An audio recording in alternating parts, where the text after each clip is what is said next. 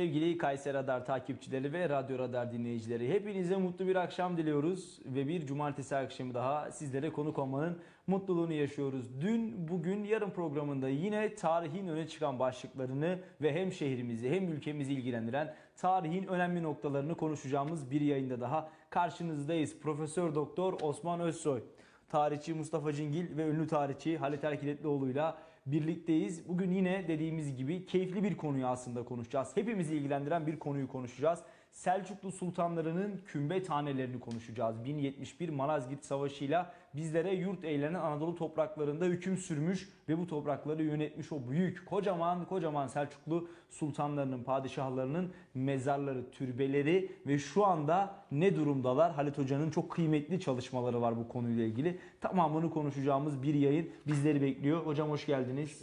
Siz de hoş geldiniz. Halit Hocam hoş geldiniz diyoruz. Ee, bunu söyleyelim.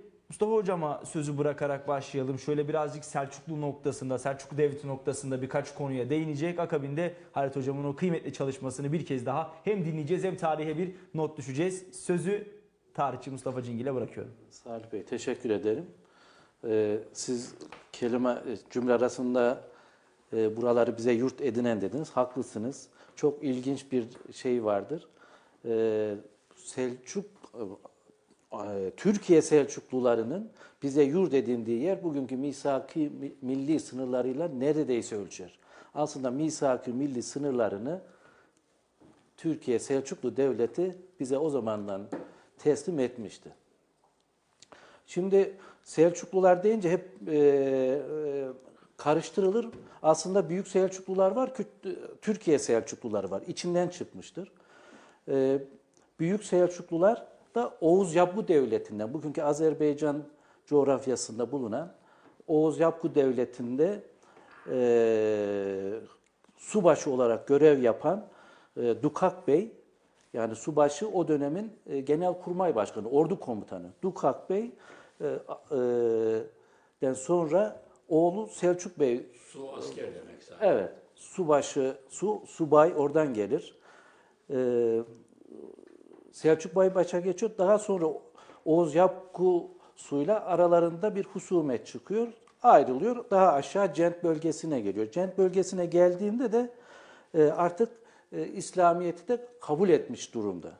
Oğuz Yapku devleti köktenli dininde. E, Oğuz Selçuk Bey aşağıya ayrılarak indiğinde, Cent civarına indiğinde artık onlar İslamiyet'i kabul etmişlerdir. Hatta bu yüzden e, haraç bile vermek istemiyor. Kafire haraç mı verilir gibisinden aralarında böyle bir şey de oluyor. E, daha sonra Selçuk Bey'in e, beş tane oğlu var. Bazı kaynaklar üç diyor, bazı kaynaklar dört diyor ama genel bildiğimiz bizim beş oğlu vardır. Bunlardan birincisi Mikail'dir. Mikail Bey, Tuğrul Bey ve Çağrı Bey'in babalarıdır biliyorsunuz Tuğrul Bey ve Çağrı Bey 1040 e, Dandanakan Savaşı ile beraber Büyük Selçuklu Devleti'ni kuran beyler. Fakat Mikail Bey çok erken yaşta e, vefat ettiği için Tuğrul Bey ve Çağrı Bey e, dedeleri Selçuk Bey'in yanında büyüyorlar. Bir diğer oğlu İsrail Arslan Yapku. Bunun Oğlu da yani Arslan Yapkun'un oğlu da e, Kutalmış'tır. Kutalmış'ın oğlu da meşhur Türkiye Selçuklu Devleti'ni kuracak olan Kutalmış oğlu Süleyman'dır. Yani Kutalmış oğlu Süleyman'ın ismi babasından geliyor. Yusuf ve Yusuf Yinal var. E, oğullarından baş, e, biri. Yusuf Yinal e, Mikail Bey ölünce diğer kardeşi Musa e, onun eşini alıyor, ondan oluyor. Yani e, e, nasıl söyleyeyim? Yusuf Yinal anne bir, Tuğrul Bey ile Çağrı Bey'in kardeşi. Babaları farklı ama anneleri bir. Bir de Yunus Bey vardır.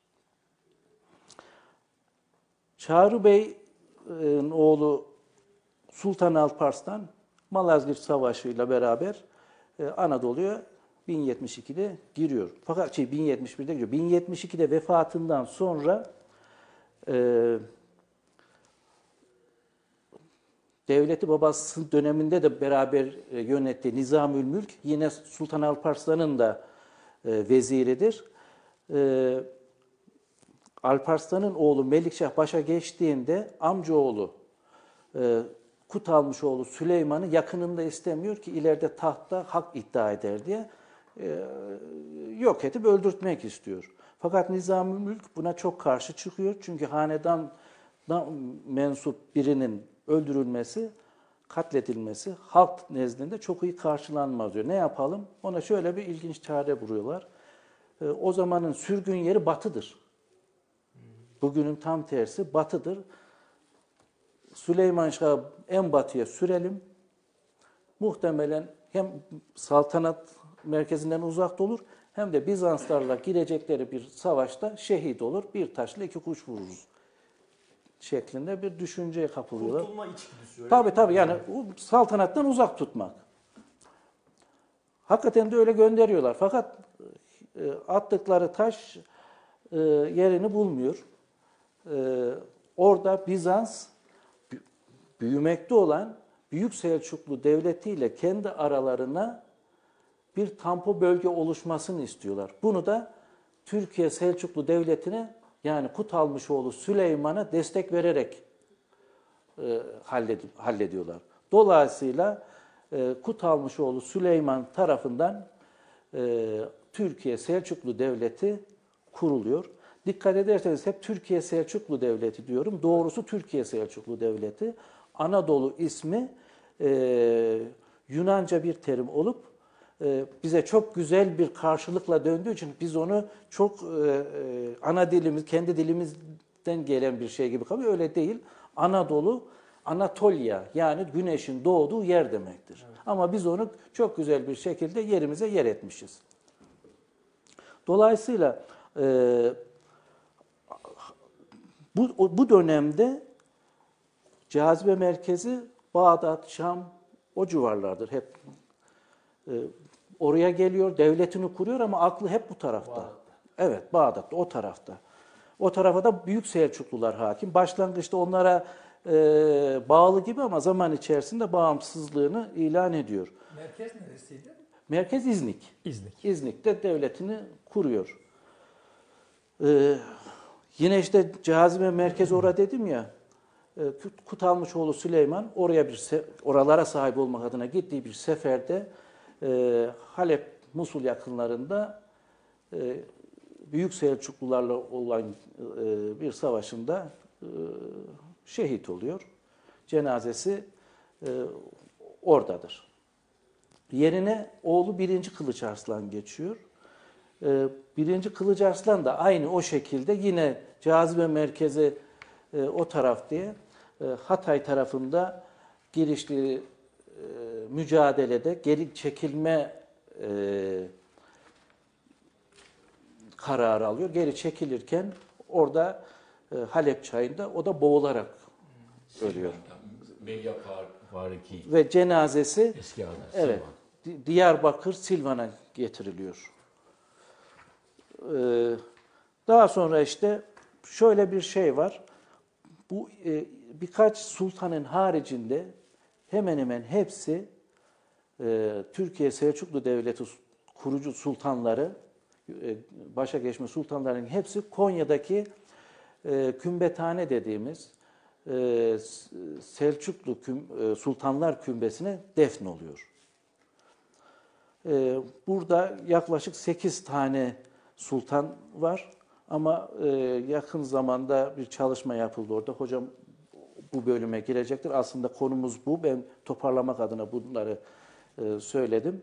Şimdi zaman içerisinde burada bir tadilat, e, türbede tadilat girişimi yapılıyor. Bundan yaklaşık e, 25 sene önce. Ondan sonra tadilat esnasında e, Murat Bardakçı yazıyor. Yazdığı bir habere göre ben ondan duydum, okudum. E, sandukalar da açılıyor tadilat, restorasyon sırasında. Orayda yapılacak diye. Her sultanın e, mumyalanmış kemiklerini bir çuvala koyuyorlar. Üstünü yazıp ayırt ediyorlar.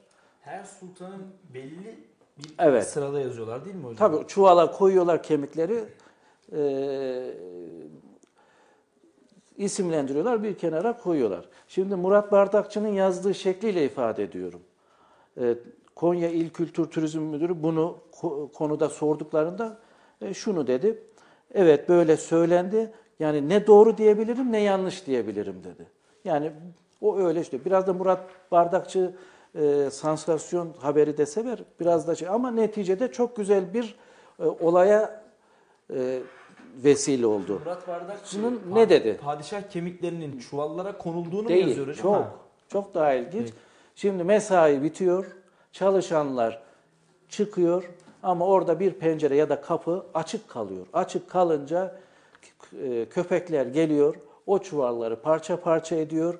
Ondan sonra sabah geldiklerinde bakıyorlar ki kümbetin bahçesi de kemiklerle dolu. Hemen kimse görmeden duymadan alelacele bütün kemikleri bir araya topluyorlar. Kabaca bir tasnif yapıyorlar. Uyluk kemikleri bir tarafa, şey bir tarafa, kafa tasları bir tarafa, şu bir tarafa. Ondan sonra dediğim gibi kafa ta- şey kabaca bir tasnifle e, Sultan Mesud'un uyluk kemiği Alaaddin Keykubat'a konuyor. Alaaddin Keykubat'ınki Kıyasettin Keyhüsre'ye konuyor. Böyle bir haber olarak verdi. Yani Murat Bardakçı der ki bir kez daha tekrar etmiş olalım hocam. Ee, bu tasnif edilen noktadaki bir cam bir kapı açık kalıyor. Köpek içeri giriyor. Evet. Bir sokak köpeği Köpekler çuvalları sürü halinde şey, giriyor. sürü haline giriyor. Padişahların e, kemiklerinin bulunduğu çuvalları parçalıyorlar ve kemikleri tahrip ediyorlar. Alıp Kaybediyorlar, götürüyorlar. alıp bahçede şey diyorlar.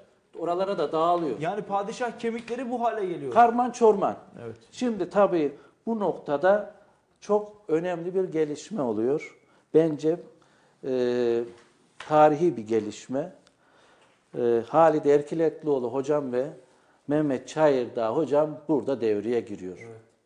Evet, hocam buyurunuz. hocam. Çok güzel özetlediniz. Türkiye Selçuklularının e, kuruluşunu. Şöyle başlamak gerekiyor. Bu topraklar, Anadolu toprakları aşağı yukarı işte 4000 sene önceye indiğimizde e, Hititlerin toprakları, yerli bir halk var. Hititler var. Arkasından değişik kavimler geliyor buraya. Birçok kavimler gelmiş. Ve son 2000 yılda e, Roma ve Bizans toprağı burası. Onun içinde Mevlana Rumi diyoruz ya Ro- Romalı, Romalı Mevlana anlamında. Rumi, Rum yani Romalı anlamına gelen bir kelime, e, e, Yunanlı anlamına gelmeyen bir kelime. Bu toprakları da e, 2000 seneye yakın aşağı yukarı e, ya- e, başka bir kavimler varken bu 1071 yılında Anadolu'nun şeyi kapılarının Malazgirt'le açılmasıyla birlikte yeni vatan arayışında olan Türk boyları, özellikle Oğuz boyları grup grup Anadolu'ya yerleşmeye başlıyorlar. Bu yerleşim 25-30 sene sürmüş. Aşağı 1071'den sonra 1100'lere kadar. Çünkü danışmentlerin gelişi 1104'de falan başlıyor işte Emir Melik Gazi'nin e, iktidara geç, geçişi. E, 1134'te de e, öldü. Bir o- oğlu Mehmet Melik Gazi geçti. Kayseri'yi başşehir yapan. O dönemlerde artık bu binlerce yıldır yerli halkın, farklı dinlerin, farklı ırkların hakim olduğu topraklarda bir e, Türk Müs- Müslüman e, hakimiyeti başlıyor burada. Danışmentler tabii Danışment Gazi ilk babaları, en büyük babaları e, Büyük Selçukluların e, danışmanı. Danışman, danışman adı da oradan geliyor. Dolayısıyla ikna olarak bu Sivas ve çevresini, Sivas, Kayseri, Malatya bu bölgeleri Sivas merkezde olmak üzere Büyük Selçuklu Sultanı e, Danışment Gazi'ye veriyor. Ondan sonra e, e, e, gelen ikinci, üçüncü özellikle Emir Melik Gazi zamanında Gümüştekin Ahmet zamanında Anadolu'da genişleme başlıyor. Çünkü Anadolu'nun Salih Beyciğim Anadolu'nun fethi kolay olmamış. Yani zor bir coğrafya.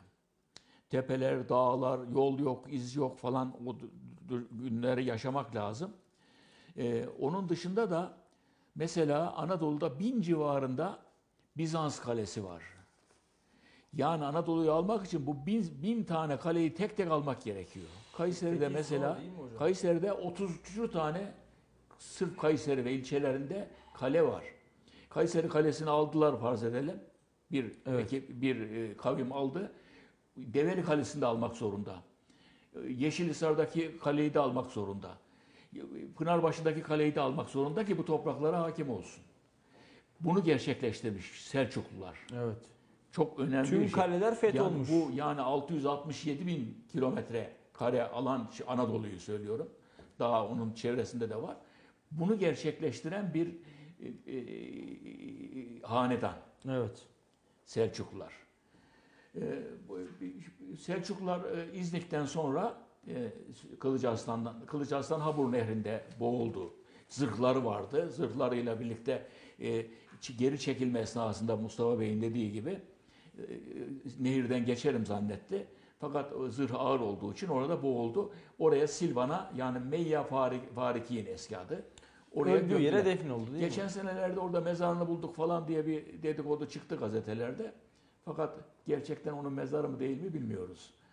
Ee, Daha sonra onun iki oğlu arasında, birinci Kılıç Arslan iki oğlu arasında Şehinşah ve e, Mesut arasında e, e, iktidar mücadelesi başladı. Kısa bir dönem Şehinşah yaptıktan sonra birinci Mesut hakim oldu. Birinci Mesut'a Kayseri'de bulunan Mehmet Melik Gazi yani danışmentler de destek verdiler Evet. iktidarı ele geçirmesi için. Nitekim ikisi beraber birinci Mesut ve e, danışmet Mehmet Gazi ve babası Emir Melik Gazi yani e, Melik Gazi köyünde mezarı kümbeti bulunan e, Haçlılara karşı muazzam bir savaş verdiler. Haçlı ordularını ki kendilerinin 3-4 misli daha fazla sayı olarak Haçlı orduları Anadolu'da vurkaç taktiğiyle büyük bir şeye uğrattılar. E, hakikaten sıkıntıya soktular. Birinci, ikinci, üçüncü Haçlı seferlerinde. E, İznik merkezinden sonra Konya'yı merkez edindiler. Bu kümbethane, konuştuğumuz kümbethane de yani Selçuklu sultanlarının anıt kabri burası. Evet. Bura zamanında, birinci Mesut zamanında yapıldığı biliniyor. E, kitabeleri var. Ve e, zamanında kapısında nöbetçiler bekliyor. Sultanlar sefere çıkarken geliyorlar orada ecdadına e, e, e, dualar okuyorlar, hacet diliyorlar ve seferlere böyle çıkıyorlar. Çok önemli. Yani Selçukluların en önemli yeri. Burası e, ondan sonra buraya Selçuklu ailesinden vefat edenler yani Konya dışında vefat edenler oraya getirilip konuluyor. Selçuklular döneminde e, tahnit işlemi var. Yani mumyalama değil de bu Mısır'daki mumyalardan farklı. Mısır'daki firavunlar yeniden dirileceğine inanıyorlar. Onun için cesedin korunmasına önem veriyorlar. Cesetleri korumak için de sarıyorlar, sarmalıyorlar falan bir sürü ilaçlı şeylerle falan korumaya çalışıyorlar. E, hakikaten de iyi korumuşlar. Yani 2. Ramses'in falan canlı gibi yani şeyleri, mumyaları. Ama bizim Selçuklu sultanları sadece zaruret halinde Konya dışında öldükleri için oradan Konya'ya taşınabilmeleri için tahnit edilmiş. Bu Osmanlı'da da var. Mesela Fatih Sultan Mehmet e, bir Memlük seferine çıkarken Memlük olduğu tahmin ediliyor. Yani seferinde söylemiyor. Düzce'de vefat etti. E, gut hastalığından öldüğü zannediliyor. Aşık Paşazade'nin falan şeyleri var, şiirleri var. E, öldükten sonra askere duyurmamak için 5-6 gün galiba. 11 gün. 15 gün. 11 gün 3 Mayıs 1481'de ölüyor. Üzerinde mum yakmışlar. Evet. Aşık Paşa'da üzerinde yani bozulmasın diye mum eritmişler üzerinde. Buna rağmen koktuğu söyleniyor cesedin. Yani nereden taşıyacak? Düzce'den İstanbul'a taşıyacak. Ama o zaman tabii üç, öyle birkaç saatlik yol değil, belki bir iki günlük yol orası. Mumyalama da zaten özel bir bal mumu kullanıyor. Mum, mumyalama ismi de oradan gelir zaten. Fatih Sultan Mehmet'in de cesedini Mesela Kanuni de öyle. Siget vardı. Evet. Orada öldü biliyorsunuz sefer sırasında. İç organlarını oraya gömdüler. Fakat askere duyurmadılar bir panik olmasın diye. E, hatta e, veziri e, e, Sokollu. Sokullu Mehmet Paşa Kimseyi duyurmadı. e, duyurmadan arabasına cesedi oturttu. E, koluna da ip bağlamış. Arabadan da böyle ipi çekerekten selamlamış askeri. Askere İstanbul'a gelinceye kadar padişah Söylemiyor. söylemiyor. Peki bozulmamış mı hocam ceset? İşte o zaman tahnit ediyorlar. Hmm. Yani mumyalama işlemini o zaman yapıyorlar. İç organlarını oraya gömüyorlar. İç organlarının da sonra yerini Macar şeyler bulduk dediler. Bir üstlerine kilise yapılmış galiba. Kanuni Sultan Süleyman'ın. Genelde öldükleri eğer şeyse e, çadırsa çadırın içindeki bir yere gömüyorlar. Yani yattığı yerin altına gömüyorlar.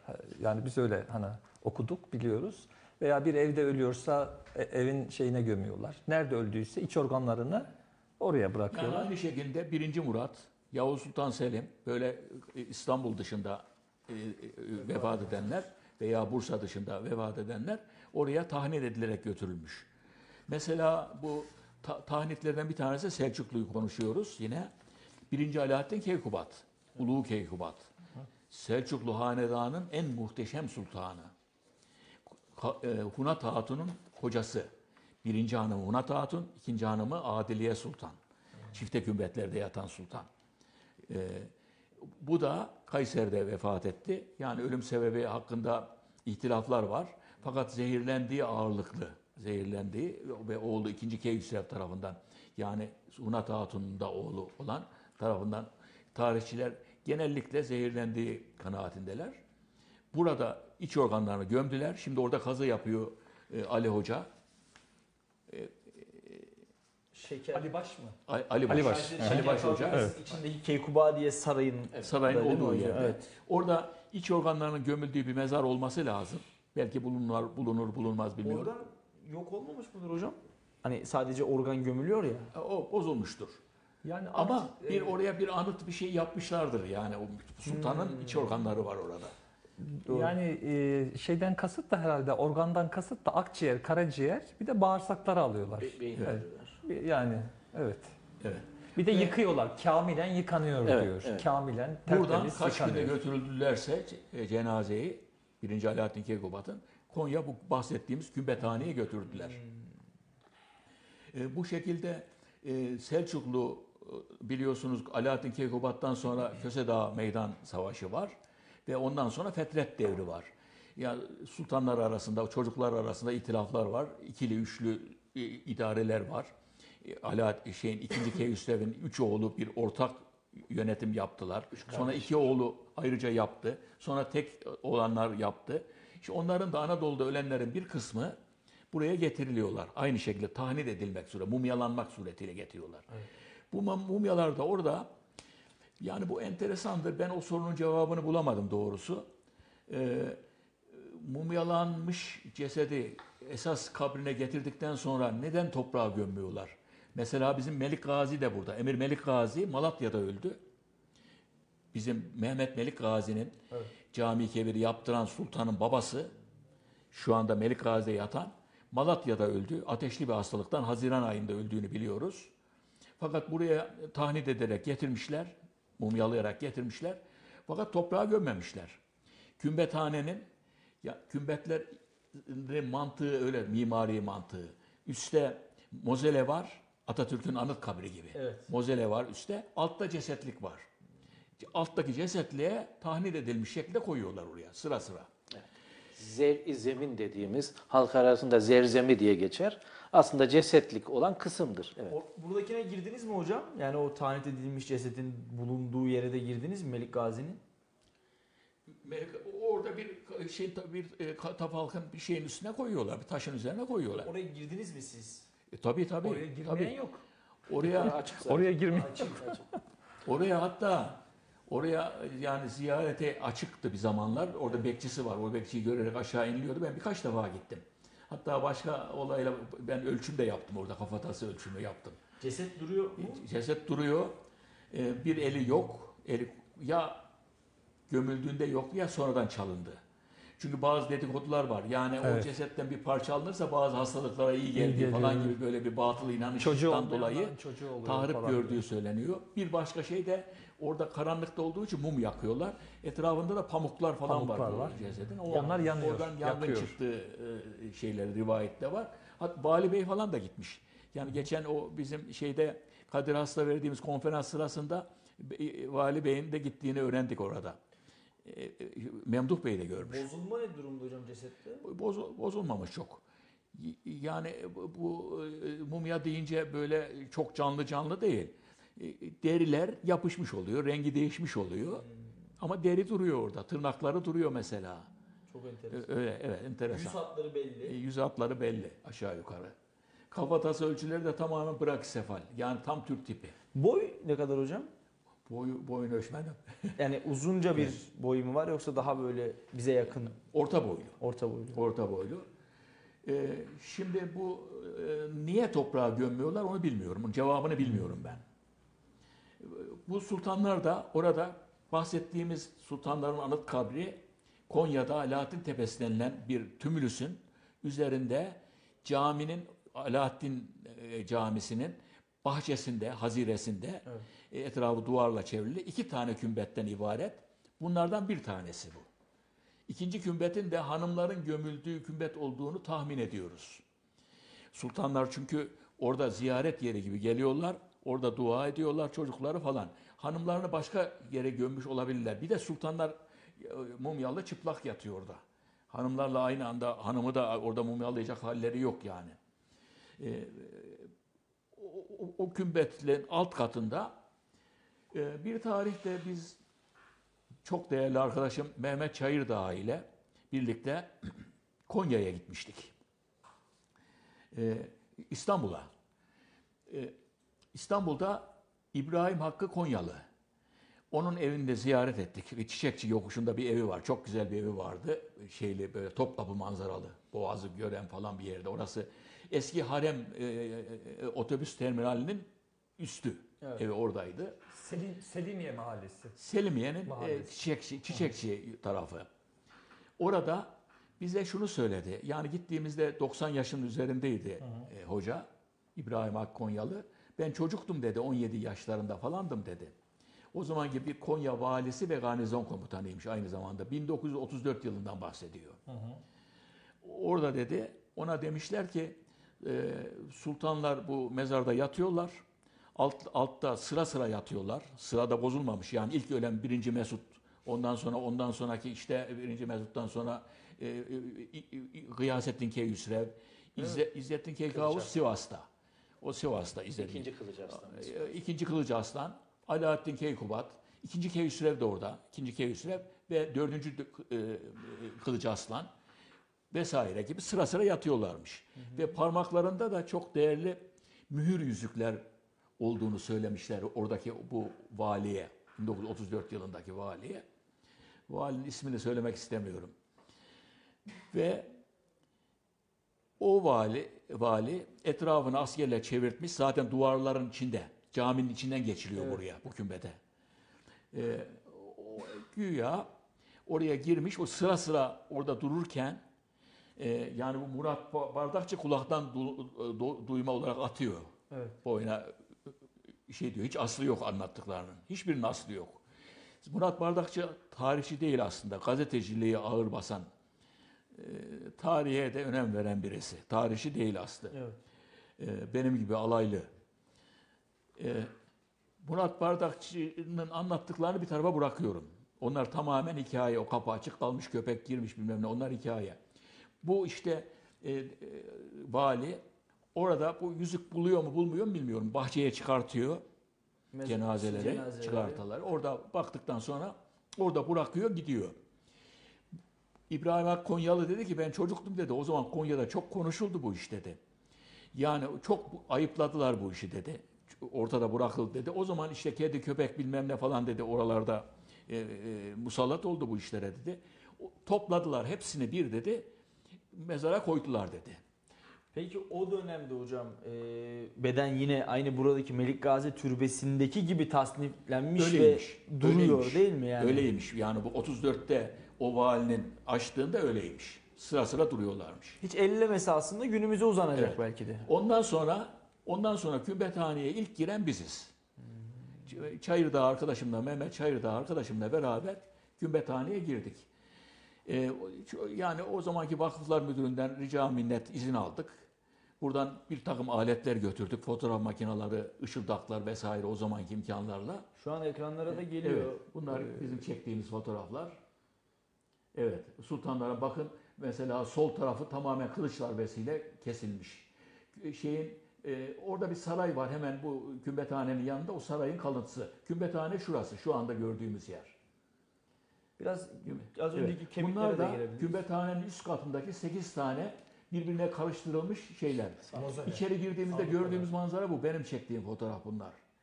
Önde kaç tane ceset olduğunu anlamak için alt çeneleri saydık önce. Alt çenelerden şey ettik. Sonra kafa taslarını dizdik, fotoğraflar çektik. Kaç ceset vardı hocam? Ee, şimdi bazıları çocukken öldüğü için suturalar var. Ee, bıngıldak olur ya çocuklarda. Yani kemikler, kafa kemikleri birleşmemiştir. Evet. Bunlar dağılmış. Kafatasından gidemedik kaç şey olduğuna. Fakat alt çeneden gidince 25 tane 25 olduğunu, 25 tane ceset olduğunu gördük. Çocukları da oraya gömmüşler. Aile mezarlığı olduğu için sultanların. Ee, bakın mesela kafatasının üstünde burası e, bir kılıç darbesiyle bakın yine sol taraf tamamen kılıç darbesiyle kopmuş. Kim- Yani bu sultanlar, bu sultanlar, bu sultanlar bu vatanı, bize bu toprakları vatan yapmak için bu şeyleri yaşamışlar hep. Evet. Büyük felaketleri Üstten yaşamışlar. darbe alan Çok genç yaşlarda bu Gıyasettin işler başlarına gelmiş. Yani kim olduklarını da aslında bilebiliyoruz. E, tabii, Melih, tabii, biraz tabii. orayı yavaş Bazıları. geçersek istersen Ba- onları Bazılarını bilebiliriz. Yani orada mesela o dizili kafatasları vardı. Orada e, bu burası e, üst taraftaki mezar bölümü, mozele bölümü. Ha bu bunlar bu kafatasların içinde bir tane bütün dişleri dökülmüş, çok yaşlı bir öldüğü. Bakın sol başta beyaz görünen bir alt çene kemiği var. Ha burada beklersek burada da 1 2 3 4. sırada olan veya Evet. Sık değiştiği için gösteremiyoruz ama beyaz olan şeyler. O Kılıç Arslan'ın olduğunu tahmin ediyoruz. Çünkü çok yaşlı öldü. 11 oğluna üleştirdi ülkeyi, bölüştürdü. Sonra oğlanlar arasında savaş çıktı bir sürü. Yanlış iş yaptı yani esasında. Ee, neticede e, birinci Gıyas, e, Gıyasettin Keyhüsrev hakim oldu o şeye ve e, Selçuklu e, devleti kurtulmuş oldu. şimdi Evet. bakabiliriz hocam. El eline sağlık. Teşekkür ediyoruz. Evet. Ee, son- Bunlar. Kaçıncı sırada hocam? Sağ taraftan 1, 2, 3, 4. beyaz görünüyor. Evet. Evet. Tamamen bütün dişleri dökülmüş, yaşlı. Böyle olan hiç başka yok. Dişleri dökülmüş olan. Siz de yani e, bir şeyin altını çizmek istiyorum. E, alt çenelerden e, devam etmesi, onun üzerinden çalışmaya başlaması e, diş hekimliğini çok iyi bildiğinden, aktif olarak da diş hekimi olmasından dolayı e, o bilgiyi kullanmışsınız. Yani tebrik ediyoruz. Evet, teşekkür Yani- ederim. hocam Gerçekten. biz baktığımızda hani dişin dökülüp dökülmediğini anlamamız çok mümkün olmuyor ama siz hani hepsi yoktu, yaşlıydı falan. Bunlar tabii ki teknik olarak Yani bize bildiğiniz de Biraz anatomi okutuyorlar. Ayrıca oraya giderken iki ay falan ders çalıştım ben. Kafatası ölçüleri, indisler, yüz indisleri var. e, e, çene indisleri var. Yani ölçümler var. Onları bir e, neticede bütün bu çalışmalarımızı bir liste haline getirdik. Kılıç darbeleri olanlar var. Mesela bir tanesinde, kafatasının bir tanesinde şu arka kemiğe oksipital kemik denir. Arkadaki kemik. O kemikte dört tane çentik halinde kılıç darbesi gördük. Kılıç böyle boy boy tarihi olaylarla birleştirdiğimizde birinci Gıyasettin Keyhüsrev e, Bizans İznik Sultanı Laskaris'le savaşırken e, hatta savaşa da hakimken e, bir rivayete göre etrafındaki nöbetçiler sultanı yalnız bırakıyorlar, ganimet toplamaya dalıyorlar. Bir Bizans askeri yaklaşıyor, atının sultanın atının ayaklarına kılıç darbesi vuruyor. At düşünce sultan zırhlı, ağır. Bir dağ gibi devrildi diyor İbni Bibi. Anonim Selçukname'de de var bu. Anonim Selçukname'de de başka türlü anlatıyor. Orada da diyor ki Laskaris ile karşı karşıya geldi. Laskaris'in üzerine yürüdü. Fakat Laskaris'i düşürdü, attan düşürdü. Laskaris atının e, ayaklarına kılıç darbesi vurdu, sultanı düşürdü ve kafasını kopardı diyor. Kafası, bu şimdi kafasını koparma olayı altta çırpınan bir adam var. Başını tutuyor, koparmaya çalışıyor. Bu arada da nöbetçiler afallamışlar, müdahale edememişler. Şeyde Anonim Selçukname'de çok detaylı güzel anlatıyor bunu. Ve sultan aşağıda çırpınmış. Çırpındıkça o kılıç darbeleriyle yumuşak dokuya getirinceye kadar vurmuş. 3-4 şeyine. Onu ben kitabımda da yayınladım o Peki kafatası. şeyde- yani bunun birinci Gıyasettin Keyüs'le olduğu kesin. Orada savaşı Laskaris kazandı. Selçuklu ordusu yenildi. Çekilmek zorunda. Sultan öldü çünkü. Yen- Çekilmek zorunda kaldı. Daha sonra onun oğlu e, e, e, anlaşma yaptı. İzzettin Keykaus babasının için anlaşma yaptı yeniden. E, Laskaris de öldüğüne üzülmüş. Onun Sultan. yardımıyla e, tahnit yapılıyor değil mi? Evet, Öyle. evet. Yapılmış. Orada Hı hı. geçici olarak bir yere gömmüş. Hı hı. Hatta Oradan sonra e, işte Konya'ya getiriyorlar ve oraya gömüyorlar. Müslümanların Şimdi- yardımıyla. e, kemik şeyinden at üstündeki bir şövalyenin darbesi olduğu şey oluyor. Hatta o şövalye e, Laskaris tarafından öldürtülüyor. Yani siz bir e, koskoca sultanı şey ettiniz diye onlar da paniğe kapılıyor aslında. Öyle bir niyetleri yok. Hocamın buyurduğu gibi kendi askerimiz talan derdine düşünce orada yalnız kalıyor ve o sırada şövalye at üstündeyken darbesini indiriyor. E, dolayısıyla da e, orada öldürülüyor. Bir süre sonra e, kümbethaneye getiriliyor. Bu sultanların ölümleri bir kısmı işte bu kılıç darbelerinden falan gördüğümüz gibi e, savaşlar veya suikastle, suikastlerle öldürülüyor. Mesela 4. Kılıç Aslan'ın öldüğümü de y- y- yay kirişiyle boğularak öldürüldü. Üstüne çullandılar. Öldüğünde de 17 yaşındaymış. Yani öyle genç şeyler falan. Selçuklu sultanları bize burayı vatan yapmak için bu mücadelenin içinde oluyorlar.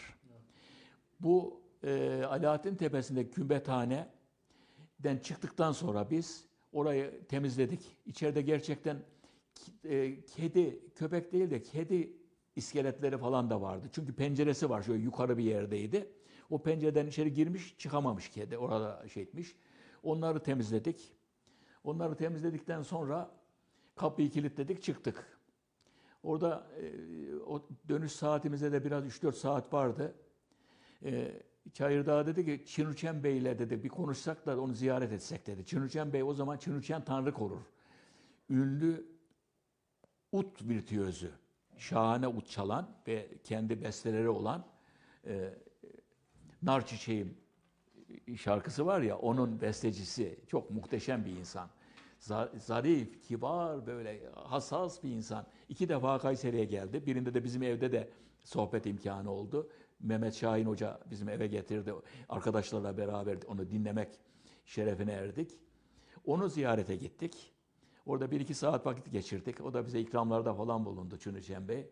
Allah rahmet eylesin. Ondan sonra döndük. Bu işin ikinci bir şeyi daha var, safhası daha var.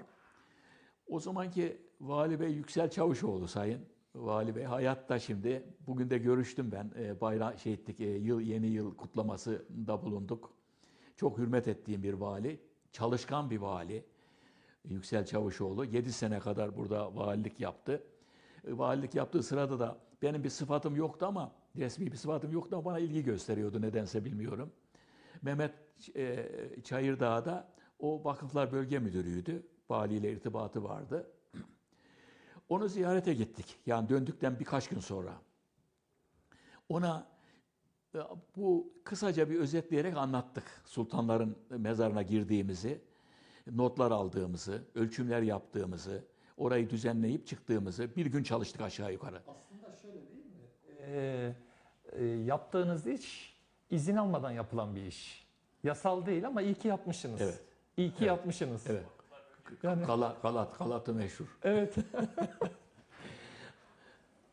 O biz şuna şunu söyledik. Yani burayı bize vatan yapan, bunu sık sık söylüyoruz. Gerçekten onlar vatan yaptılar. Sultanlar orada perişan böyle kedinin kö- iskeletlerin arasında tozun toprağın içinde bir kemik yığını halinde fotoğraflarda gö- gösterdik şimdi. İken e, e, bu bize üzüntü çekti. Oranın yani oranın bir anıt kabir olarak korunması gerektiğini, e, ihtimamla korunması gerektiğini söyledik. Biz bunu konuşurken vali bey hemen sekreterini aradı. Kızım Konya valisini bağla dedi. Ben dedim ki aman vali bey dedim şikayet etmiş gibi oluruz dedim. Çünkü vakıflar bölge müdüründen aldık anahtarın oranı. Vermek de istemedi zor aldık. Onu şikayet etmiş. Yok yok dedi ben usulüne göre anlatırım dedi. Bağladı kızcağız. İhsan Dede diye bir vali, Konya valisi. Ona işte abi diyor bizim valimiz. O zaman abi dedi bizim çocuklar dedi oraya gelmişler dedi orayı dedi çok kötü vaziyette görmüşler falan dedi. Ya öyle mi falan demiş herhalde o. Öyle bir şeyler. Fakat şöyle bir anlayış şeyi anlamış oradaki vali. Yani komşu şehrin valisi telefon ediyor ona diyor ki sizinkilerde iş yok. Bizim çocuklar oraya geldi. O, bu işleri yaptı demek istiyor. Böyle algılamış vali. Haklı olarak. Bizden sonra o vakıflar bölge müdürünü epey hakaret etmiş ona. Arkasından ama oraya bir düzenleme yapmış, içeri girdirmiş, temizlik yaptırmış falan etmiş. Böyle bir köklü e, şey ilk defa orada böyle bir şey yani o 1934'teki valinin çıkarttığından sonra ikinci bizim girişimizde oldu. Köklü bir e, oranın ziyareti olmuş oldu. Biz bunu uzunca bir zaman yayınlamadık. Yani bunu bir makale haline getirdik. E, Sayın Mehmet Çayırdağ tarihi bölümünü yazdı. Ben e, de bu ölçümleri falan kafataslarındaki defektleri değerlendirdim. Onları yazdım. İkimiz beraber bir bildiri haline getirdik. Fakat takriben 8-10 sene bunu yayınlamadık. Çünkü orada bir yol geçen hani olmasın. Gerçekten sultanların önemli bir yeri diye ama bir devlet el atar diye düşündük. Bu arada da hiç kimse bir el atmadı oraya. Bir şey yapmadılar. Bunun üzerine burada e, Erciyes Üniversitesi'nde bir Selçuklu sempozyumu sırasında bunu biz e, tebliğ ettik. Çok da ilgi uyandırdı. Yani o günkü en ilgi çekici e, şey buydu. Çünkü çok e, tebrik aldık, çok tepki aldık bu işten dolayı.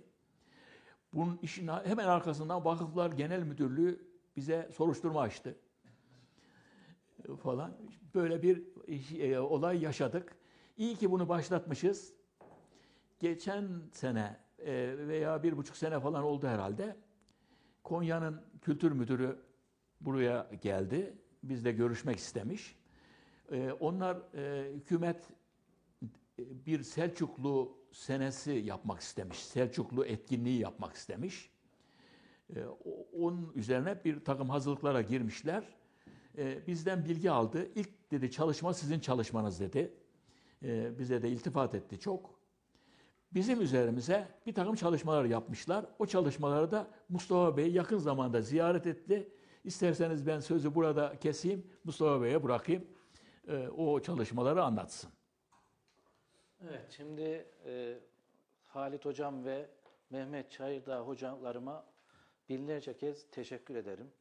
E, şahıslarında e, ne büyük bir hizmet ettiklerini ben şimdi biraz sonra görüntülerle göstereceğim. Muhteşem bir e, işe temelini oluşturdular, imza attılar. Video mu gelecek? Evet yani ben şimdi şöyle önce bir kabaca ne olmuş onu bir anlatayım. Öncelikle şunu söyleyeyim. Bu işi ilk başlatan, bu işe ön ayak olan, hatta akademik tez olarak hazırlayan Halit Hocam ve e, Mehmet Çayırdağ hocamlardır. Fakat hoş bir gelişme olmuş. E, Konya e, bunu sahiplenmiş bu olayı. Ondan sonra bundan 8 yıl önce çok e, önemli bir e, kadro oluşturmuşlar. E, muhteşem bir yapı oluşturulmuşlar. E, bir çalışma başlatmışlar ama çok gizli. Kimseye de e, duyurmamışlar. Dün e, Kayseri İl Kültür Müdürümüz Şükrü Dursun Bey'den zaman zaman duyuyordum ama o da bir şey söylemedi. Sadece bana bir iki büst şeklinde çalışmaların e, reens- e, şeylerini, yapılanları gösterdi. O kadar. Rekonstrüksiyonlarını gösterdi ama o- kadar. Ben öyle büst bir şey zannediyordum. Daha sonra e, bundan 2-3 hafta önce e, TRT1'de gündem ötesi Pelin Çift'in programında sultanların DNA testleriyle, kemiklerin DNA testleriyle bir çalışma artık bitmiş ve bunu yayınladılar. E, bir ay kadar da önce sergisini açtılar. Şimdi ne yaptılar onlar? DNA testleriyle. E, Melih Bey, e, üçüncü slide şeyimizi, yansımızı bir gösterebilir miyiz?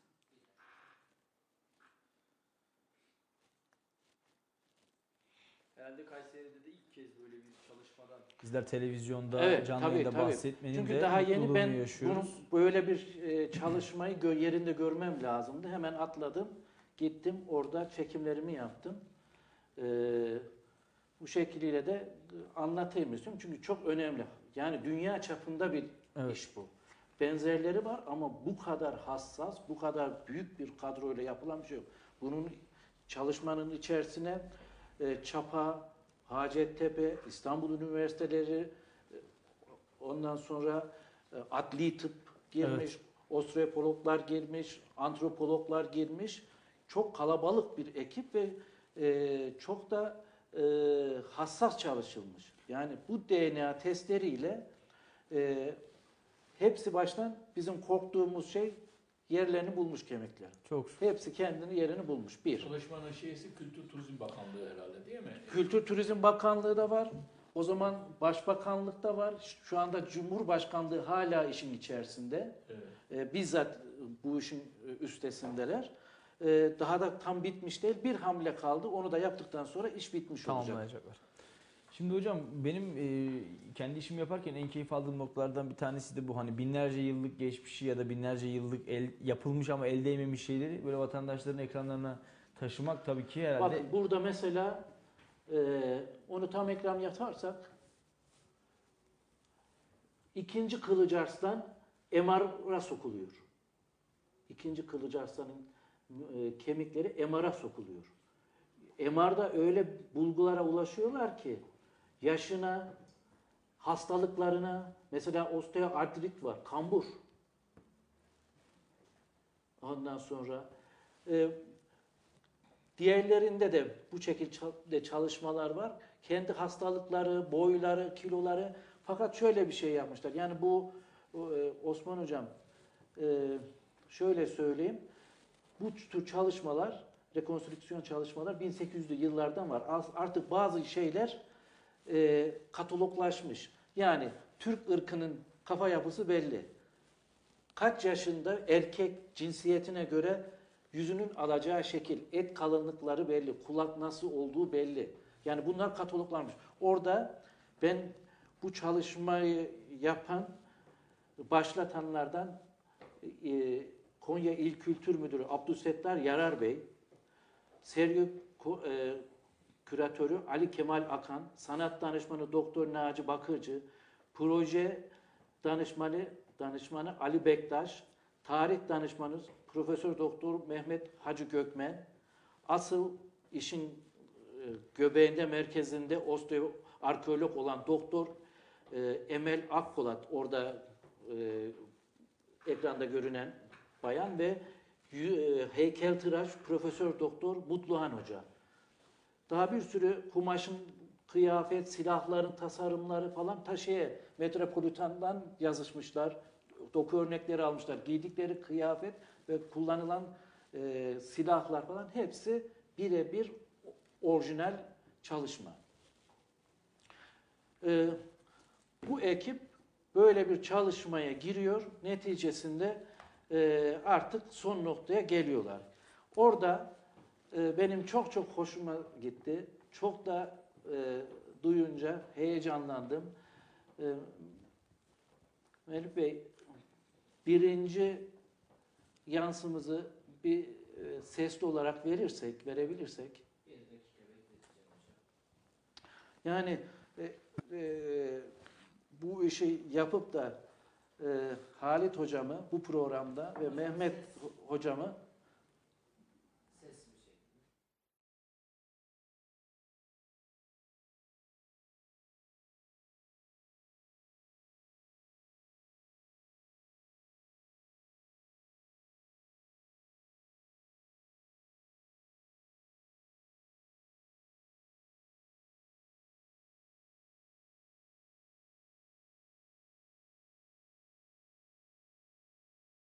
Yani amacımızı tekrar ediyorum. Buraları temizleyip bakım onarımını yapıp ziyarete açmaktı. Fakat onayı aldıktan sonra açtığımızda karşılaştığımız manzara. Bilinir ki Selçuklu dönemindeki türbelerin bir üst kısmında sandukaların bulunduğu bölüm vardır. Birebir O bölümün görseli burada hemen takdim edeceğim size ben. Ee, bakın bu üst taraftaki Çinilerin sandukaların bulunduğu yerdir. 8 tane sanduka vardır. Bunun altında da mezar odası vardır. Mezar odasında da yine 8 tane lahit üzerlerinde de ahşap sandukaların bulunduğu Yani Anıtkabir gibi düşünsünler değil mi? Yani yukarıda e, böyle bir ziyaret edilen ziyaret yer. edilen yer var. Oysa ki esas e, Mezar odası. mezar odası aşağıda şöyle bir yer. Evet. Karışmış Efendim mezar odasını şeyler, mozelleler. Onun da e, resmine girmezden önce bizim bu çalışmamızdan yaklaşık 19 e, o 25-30 sene önce iki ismi yad etmek istiyorum. Çünkü bunlar bu konuda yazıp çizen İbrahim Hakkı Konyalı'nın sağlığında bizzat görüşmüşler. Gelip 1987 yılında Alaaddin Tepesi'ndeki sultanların mez, e, mezar odasına girmişler. Ve mezar odasına girdiklerinde çok üzülerek söylüyorum karşılaşılan manzara. Ay, bu çok fena ya. Bak. Buyurunuz. Halit Erkiletlioğlu ve Mehmet Çayırdağ beylere de buradan teşekkür ediyorum. Peki niye böyle karışmış bu kemikler? Efendim onu biraz sonra arz edeceğim. Bir resim daha göstereyim. Ve onlar o günün şartlarında bir temizlik yaptıktan sonra kendileri şeyi kapatmışlar.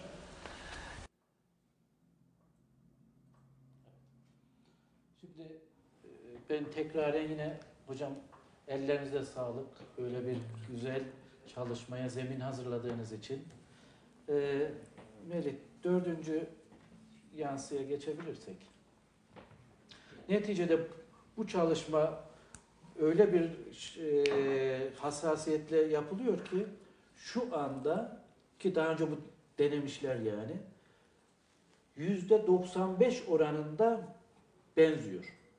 Yani birebir aynısı, Aynısı, diyebiliriz. Aslında 98'de onlar televizyonda 95 diye e, oranı biraz şey ettiler. Yoksa yüzde 98 oranında çünkü bunu denenmiş. E, bundan yakın zamanda vefat etmiş hiç görmedikleri birinin e, e, etlendirme yöntemiyle e, yaptıklarında o kişiyle birebir aynı Kaldı. görüntü çıkıyor. Boylarına kadar, yaşlarına kadar. Burada şöyle bir şey yapmışlar. Ee, ölmeden bir gün önceki halleri. Yani istersek diyorlar 20 yaşındaki hallerini de yapabiliriz. 30 yaşı da yapabiliriz. Ama biz sıralamayı bozmamak adına ölmeden bir gün önceki halleri. e, e, Kaldı ki e, bu çalışmalar başladığı zaman yapay zeka belki de hiç konuşulmazken Evet artık evet belki günüm- o da devreye günümüzde Yani sıradan şunu söylediler programda. Buradan herkese de söylüyorum. E, internette, YouTube'da da var. TRT'nin kendi arşivinde de var. Bu programa oturup hayranlıkla seyredebilirler. Bir, bir saatlik bir program. Peki sergiyi nasıl görebiliriz hocam? Sevgili işte gel, geliyorum artık oraya. Ee, dolayısıyla bu işlem bitmiş. Ee, iş artık halka göstermeye geliyor ve orada Alaaddin Tepesi'nin hemen tam karşısında Darül Mülk sergi sarayını bunlar e, sırayla yerleştiriliyor. Ee, beşinciye geçelim.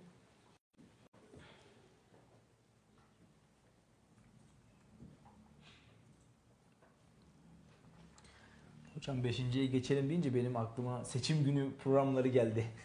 şehir şehir. Evet. evet. Şimdi beşinci yansımızdaki e, birinci Kılıç Arslan. Yani Kutalmışoğlu Süleyman'ın Türkiye Selçuklu Devleti'ni kuran Kutalmışoğlu Süleyman'ın e, canlandırılmış, etlendirilmiş hali. Yakınlaşma ihtimalimiz var mı Çünkü fotoğraflara? ekranda verebilirsin. Hemen geçmeyelim diğerlerine ben söyleyeceğim. birinci Kılıç Arslan e, Silvan'da öyle diyorduk. Bunu takriben yapmışlar herhalde. Ee, Ben e, şeye e, İl Kültür Müdürümüz Şükrü Bey'e sordum. Bunun cesedi kümbethanede mi dedi. Sanki kümbethanede getirilmiş yani. Nakle, yani Osman Turan nakledilmeye çalışıldı ama nakledilemedi. Bu belki 2021 yılındaki e, Diyarbakır merkezde, Silvan merkezde bulunan mezarlıktan da olabilir. Evet. Bir de hocam siz 25 saydım dediniz. E, orada 27 çıkmış. Yani şeyde şu andaki e, hanedan mensubu 27 olarak söylediler. E, Daha çok ilginç bilgilere de ulaşıyorlar. E,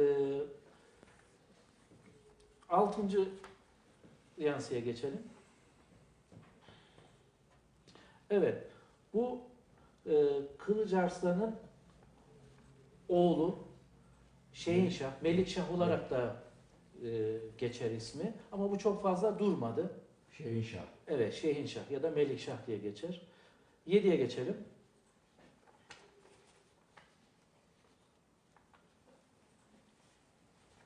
Evet. Bu Sultan Mesut, Şehinşah'ın kardeşi. Birinci Kılıç Arslan'ın da diğer oğlu. Yani bu pek bilinmez ama muhteşem bir sultandır. Ee, aynı zamanda e, danışmentlerin de damadıdır. Damadı. Damadıdır.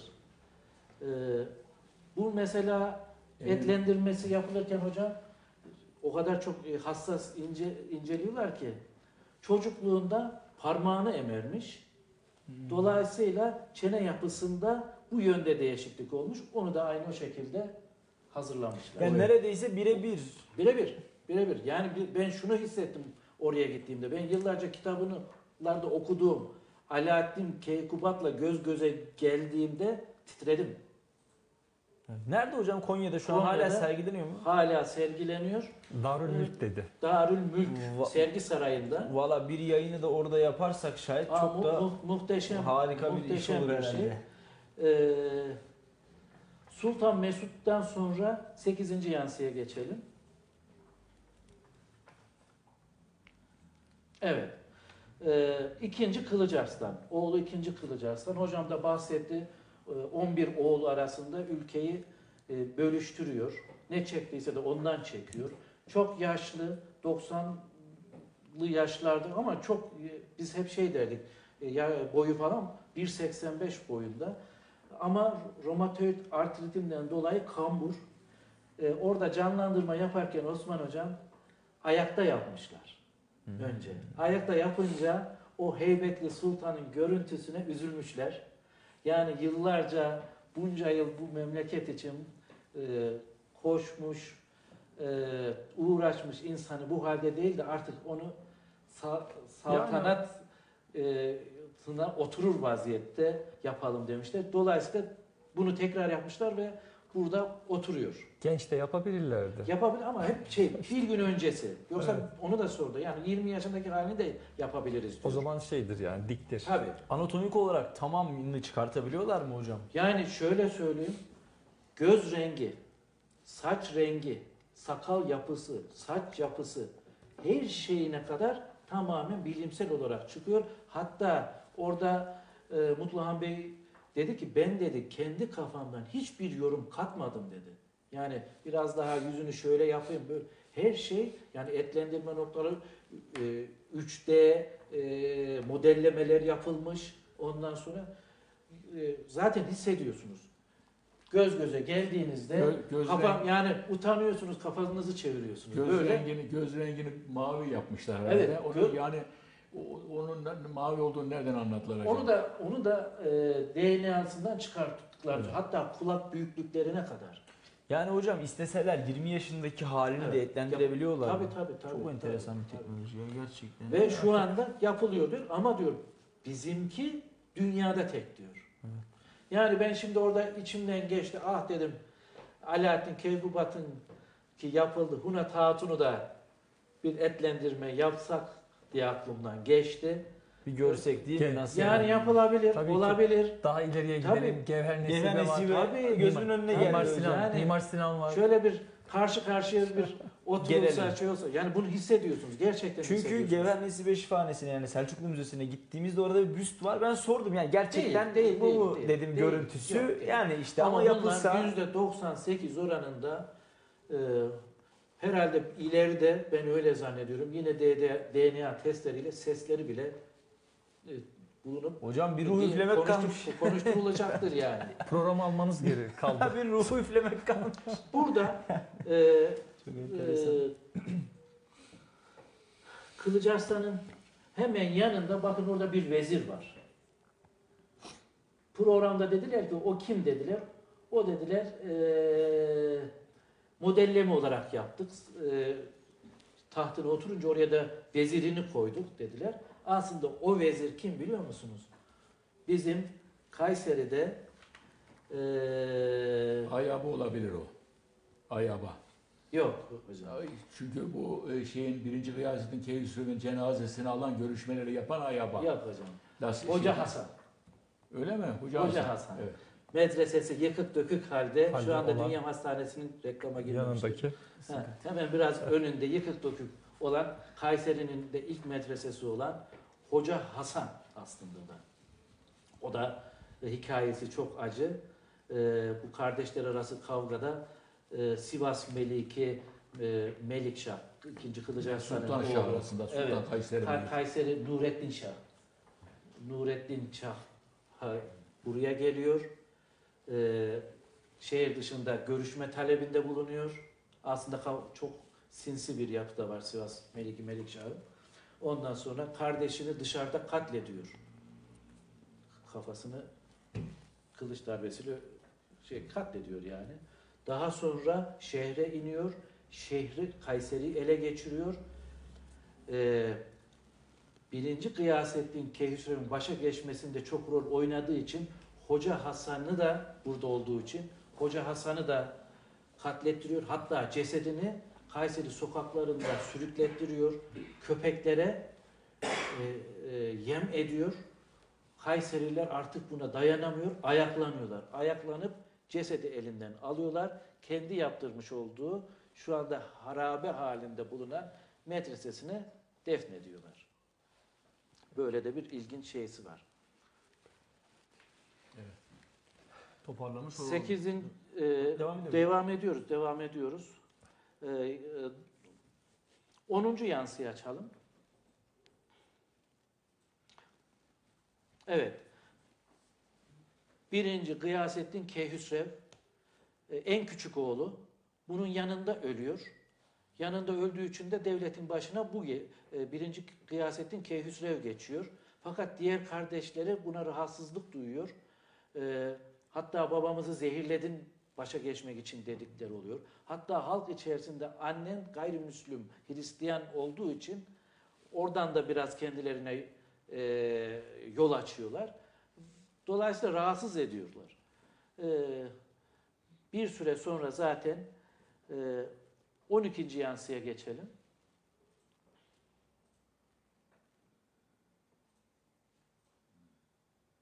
Evet. 12. yansı işte bir diğer e, kardeşi, kar- 11 kardeşin içerisinde e, en yakışıklısı, en zekisi, hareketlerini satranç oynar gibi oynayan, e, Salih Bey size de benzeyen, size benzettiğim meşhur e, sultanımız muhteşemdir. Yani yakışıklılığı o kadar dillere destandır ki Kimdi bu? E, ikinci Süleyman Şah, Süleyman Şah. Rükneddin Süleyman Şah muhteşemdir. E, çok da serttir. Devleti alıyor başka yerlere götürüyor. O kadar disiplin ediyor. E, Hatta şöyle de bir şeysi var. İlginç bir hikayesi var. O dönemde Gürcistan kraliçesi eşini kaybediyor. Tek kalıyor. Fakat ikinci Süleyman Şah'ın da metini, şanını duyuyor. Konya'ya ressamlar gönderiyor. Resmini yaptırtıyor. Resmini e, alıp bakınca aşık oluyor kraliçe. Babasından ikinci Kılıç Arslan'dan istiyor. e, e, Süleyman Şah. Süleyman Şah da bunu açınca Süleyman Şah çok sinirleniyor. Beni nasıl bir Hristiyan bir kadınla evlendirmeye kalkarsın falan. Çok ağır konuşuyor. Ama kaderin cilvesi e, başa geçtiğinde kafasında bu yazılı ya Gürcistan'a sefer yapıyor. Sefere çıkmadan önce çok ağır ve gururlu bir mektup gönderiyor. Öyle ki sizin oradaki kiliselerin çanlarını da ezan okutacağım diyor. Tabii kraliçe tecrübeli. O da ona mektupta çok gururlanıyorsun. İşin ne olacağını bilemezsin. Gururunla e, gururun seni yok edecek gibi bir mektup gönderiyor. Bu mektuplar var. Evet, Kraliçe Tam Tamara'nın da dediği gibi, Tamara'dır ismi. Kraliçe Tamara'nın da dediği gibi Gürcülere yeniliyor ordu, darmadağın oluyor. Ve aradan fazla sürmüyor.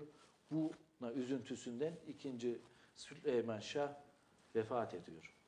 Selçuklu e, döneminde bu bahsedilen dönem e, yükselme dönemi 1. Alaaddin Keykubat'ın sonuna kadar sikkeleri sen parayla ilgileniyorsun. Sikkeleri çok güzel gümüş ve altın sikkeleri var. İçinde en güzelleri de bu 2. Süleyman Şah'ın sikkesi. At üzerinde bir hayvan avlarken muhteşem bir sikke. Ee, yani o zaman İslam devletlerinde resim yok biliyorsunuz ama Selçuklular da resimli sikkeler var böyle. Birisi Süleyman Şah'ın, 2. Süleyman Şah'ın sikkesi. Alaaddin Keykubat'ın da var Meliklik dönemi sikkesi. Başka sultanların da var birkaç tane. Ama en güzeli bu Süleyman, Süleyman. Şah. Evet.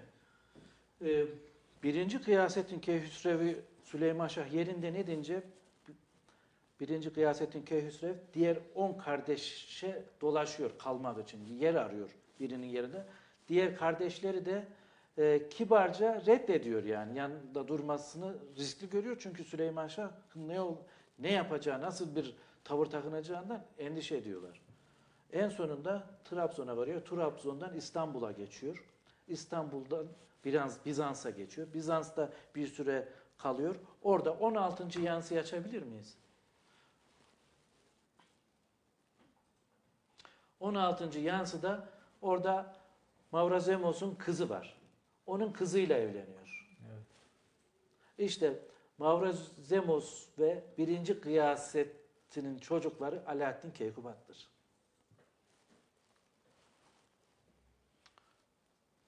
Vallahi hocam siz olanı fark edene kadar ne kadar gerçekçi etlendirmişler Evet, diyecektim ki evet, siz evet, misiniz maşallah oradaki padişahların hiç farkınız yok. Evet.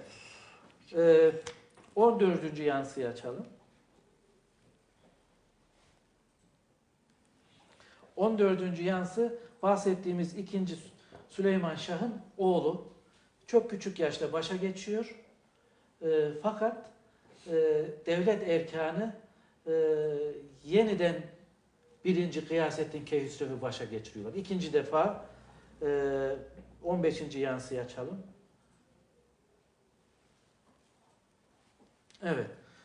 Birinci Gıyasettin Keyhüsrev e, yeniden e, devletin başına geçiyor. Burada da çok e, ilginç olaylar yaşanıyor. Aksaray ile Konya arasında çekişmeler oluyor. E, oralar da çok ilginçtir. 17. yansıyı açalım. Yalnız bir şey e, tekrar edelim. O 15'e tekrar dönebilir miyiz? Evet, 15. yansıtı evet 1. Kıyasettin Keyhüsrev e, 1211 yılında Alaşehir Savaşı'nda şehit oluyor. Biraz önce hocamın kendi şeyinde bahsettiği kafasından aldığı darbeyle olan şehit olan sultanımız. E, ama e, programda e, Halit hocam şunu söylediler. E, farklı kaynaklarda farklı anlatıyorlar ya. Hani başının e, ceset e, gövdesinden koparılma olayı yok diyorlar. Onu e, Ee, o bizim gördüğümüz kafatasında birinci Keyhüsrev'in tarifine uyuyor yaş olarak e, kafatası. Oksipital kemikte 3 veya 4 tane kılıç darbesi çentik var. Kafa koparılmış. Öyle kafada darbe izi yoktu orada. Yalnız o gö- e, gösterdiğimiz şeylerden kafataslarından e, sol yanı olmayan bir kafatası vardı. O, o, o ilginç. Onu, onu, onu buldular. O Onu acaba biz hep Evet. farklı anlatılıyordu. İlk defa Evet. o da bu şekliyle açığa çıktı. Onu da biraz sonra söyleyeceğim. Ben Ama eminim hocam- ki eminim ki birinci Kıyasettin Keyhüsrev kafası koparılarak öldürülmüş. Yani orada şunu söylediler. Darbe yukarıdan şövalyenin kılıç darbesiyle aldığı için e, darbe buradan yukarıdan olduğu için dediler. Bir de dediler kesme izi yok.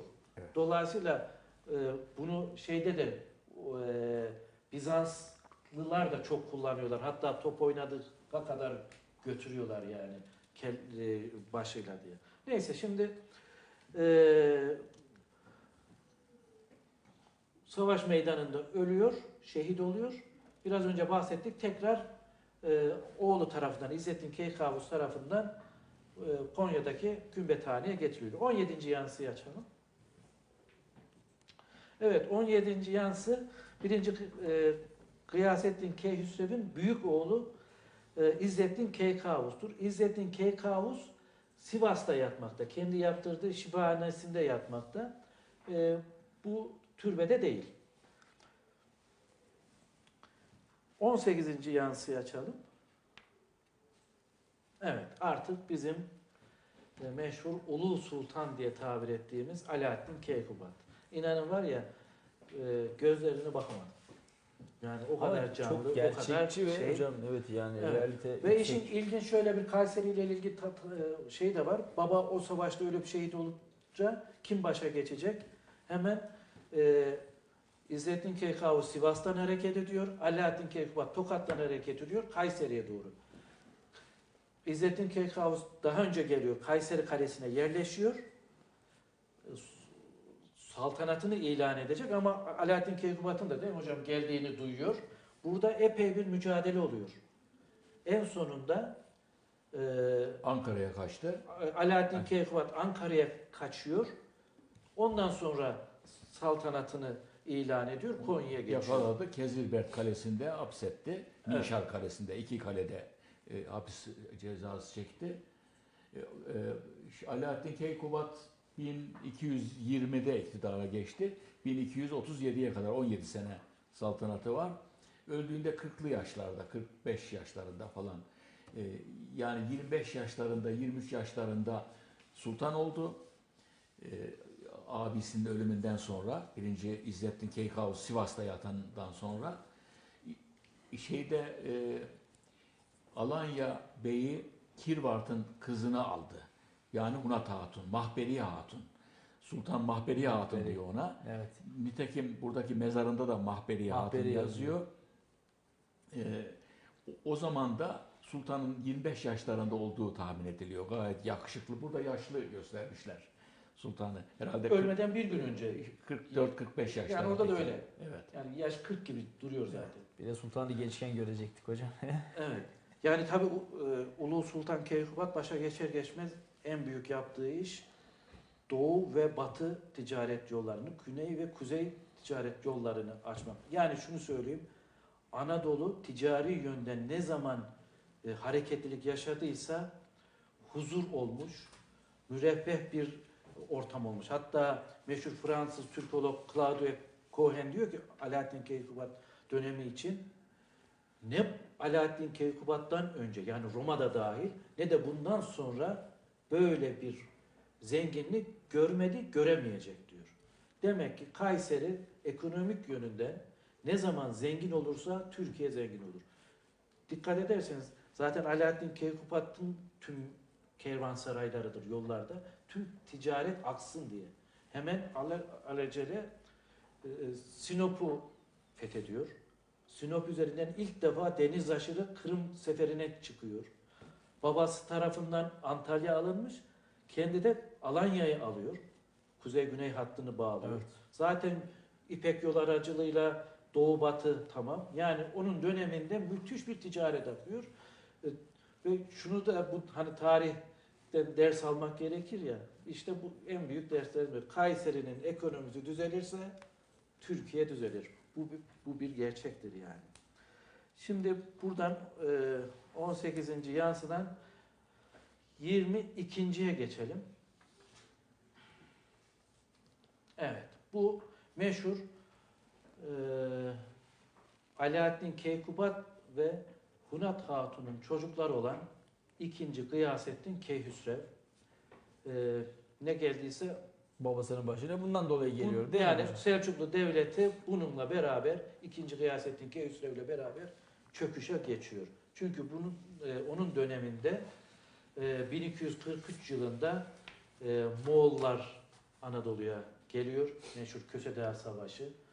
Ee, Köse Dağı Savaşı'nda e, ilginçtir yani. E, savaş meydanına ailesini de alıyor. Böyle i- hobisi de var. Vahşi hayvan hobisi de var. E, onları da e, alıyor götürüyor ama savaş meydanında e, bozguna uğrayınca Alanya'ya gidiyor. Biz şimdiye kadar onu söyleyecektim hocam. Tarih kitaplarında iki şekilde ölümü tarif edilir. Birincisi aşırı içkiye düşkünlüğünden dolayı vefat etti denir. Bir diğer görüşte e, beslediği vahşi hayvanlar tarafından parçalandı diye. Ama şu andaki yapılan çalışma neticesinde hocam sizin bahsettiğiniz 102. kıyasettin Keysun çok keskin bir kılıç darbesiyle kafasının yarısı gitmiş. Dolayısıyla saray içinden bir suikastle öldürüldüğü ortaya çıkıyor. Şu andaki son şey Bilgi bu. Ee, dediğim gibi şimdi e, sergi çok muhteşem. Herkesin gidip görmesini tavsiye ederim. Hemen e, karşısında e, sikkelerle o sultanların sikkelerini e, sergilemişler. O da çok güzeldi. E, ben şeyi gezdikten sonra e, orada Melih sikkeler dosyamız var.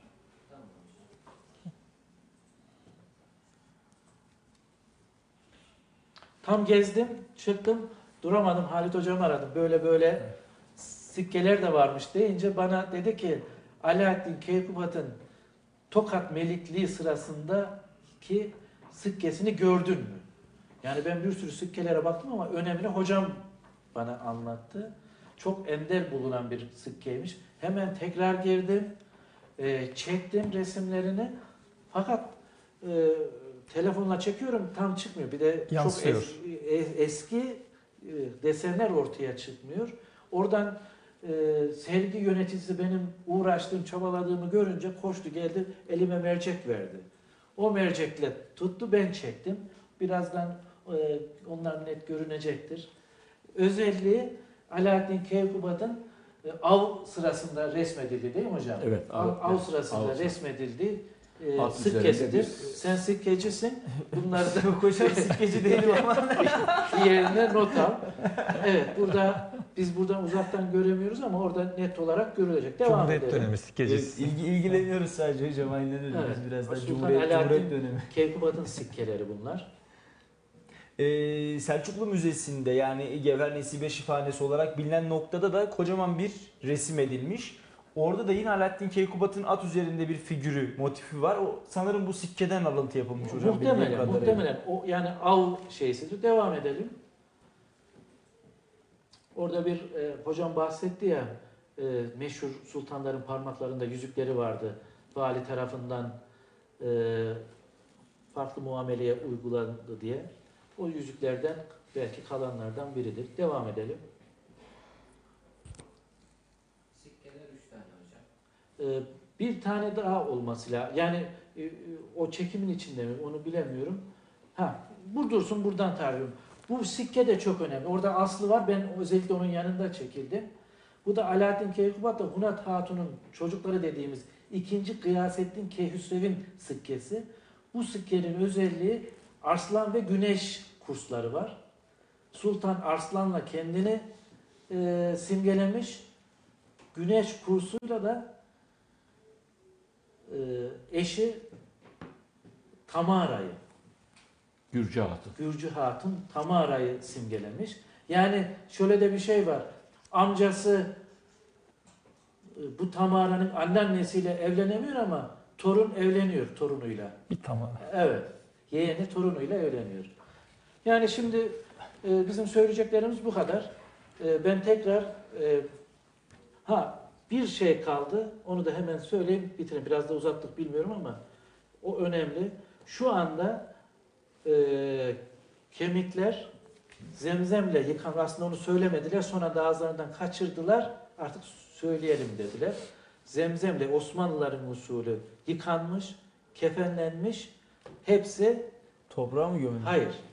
Cumhurbaşkanlığının da geleceği devlet töreniyle defnedilecek. Onu bekliyor. Toprağa defnedeceğiz. Evet. Yani yerlerine e, konulacak. Devlet töreniyle konulacak. Herhalde bir ay içerisinde bunu siz de televizyonlarda duyacaksınız, göreceksiniz. Osman Bey bir cümle yani şey devam olarak söylüyorum. Sen vaktini çok aldın herhalde. Estağfurullah ben de bir şey söyleyeceğim. Herhalde bitiriyoruz. Şeyin yani ikinci Gıyasettin Keyhüsrev işte Fetret devri dedik. Yani Selçuklu'nun artık geriye gittiği Moğol isyan şey, işgalinin başladığı dönem. Ee, 1243'te Köse Dağı'dan kaçarak savaşmadan e, önce Konya'ya hatta Konya'da da kendini emniyette hissetmeyip oradaki e, bir adaya e, gittiği yazılıyor tarihlerde.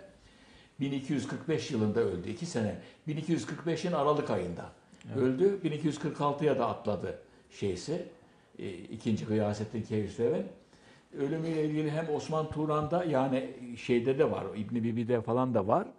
E, bir maymunu ısırması sonucunda yani o kafasını koparak suikast işini ben ilk defa duyuyorum. Evet ben de E, Öyle yani duydum. onu onu kim söyledi Çünkü bilmiyorum. keskin Ama bir kılıç, ana düz bir kesi diyoruz. Selçuklu'nun ana kaynağı, üç tane ana kaynağı var. Aksaray'ın Selçuknamesi, Anonim Selçukname ve İbni Bibi. Farsça bunların üçü de Türkçe'ye çevrildi bunlar hep. Bütün Selçuklu'nun ana kaynağı bunlar. Buralarda onun maymun ısırmasından dolayı kuduz olarak imdat, im- son sözleri de imdat, imdat diye bağırarak olduğu ifade ediliyor. Öldüğünde de 25 yaşlarında. Yani yani Yani 16 yaşında devletin başına geçiyor. Evet. Öldüğünde de böyle. Bu ben de şey söyleyeyim bir iki cümle. Ee, bu tahnip ve mumyalama e, noktasında e, özellikle Selçuklularda ve Osmanlılarda ne zaman sefer yapıldı, savaş yapıldı bunlar ön plana çıkmış. Ee, bir e, dönem sonra e, saraydan veya İstanbul'dan çıkmayan e, padişahlarla bu iş bitmiş. Yani onu anlıyoruz. E, seferlerde ölenlerden dolayı. Bir de bu e, kümbethanedeki şöyle bir bilgi var. E, 1935 yılında dünyadaki tüm e, ülkelerde bir milliyetçilik şeysi var, e, akımı var. İşte herkes kafatası ölçüyor, herkes a, şeyini e, ispatlamaya çalışıyor. Bundan Türkiye de etkileniyor. E, Fransa'ya gönderilen e, Ordinarius Profesör Doktor Şevket Aziz Kansu var. Bizim bu antropolojinin kurucusu. Ee, onun 1937 yılında e, yayınladığı fasiküller halinde daha sonra e, antropometri tetkikleri için rehber diye bir e, fasikülleri birleştiriyorsunuz. Yani bu e, kafatası ölçerken ne kullanacaksınız, işte nasıl sınıflandıracaksınız böyle derli toplu ilk defa Türkiye Cumhuriyeti'nde belki de e, o zamana kadar hiç yapılmamış bir kitap yazılıyor. E, hatta şöyle bir şey oldu. E, Dil Tarih Coğrafya Fakültesinden Başak Hoca, Başak Koca Özer Hoca 29 Ekim e, 2023 yılında Cumhuriyet'in 100. yılındaki faaliyetlere e, tıpkı basımını, o kitabın tıpkı basımını bastılar. Yani böyle bunun makalesini de e, şey yaptı, yazdı. E, şimdi oradan e, ben bizim anladığımız Sinan'ın işte kafatasının e, ölçülmeye çalışılması, yine Şevket Aziz Kansu e, iki kişi daha var e, e, şeyde Afet İnan vesaire.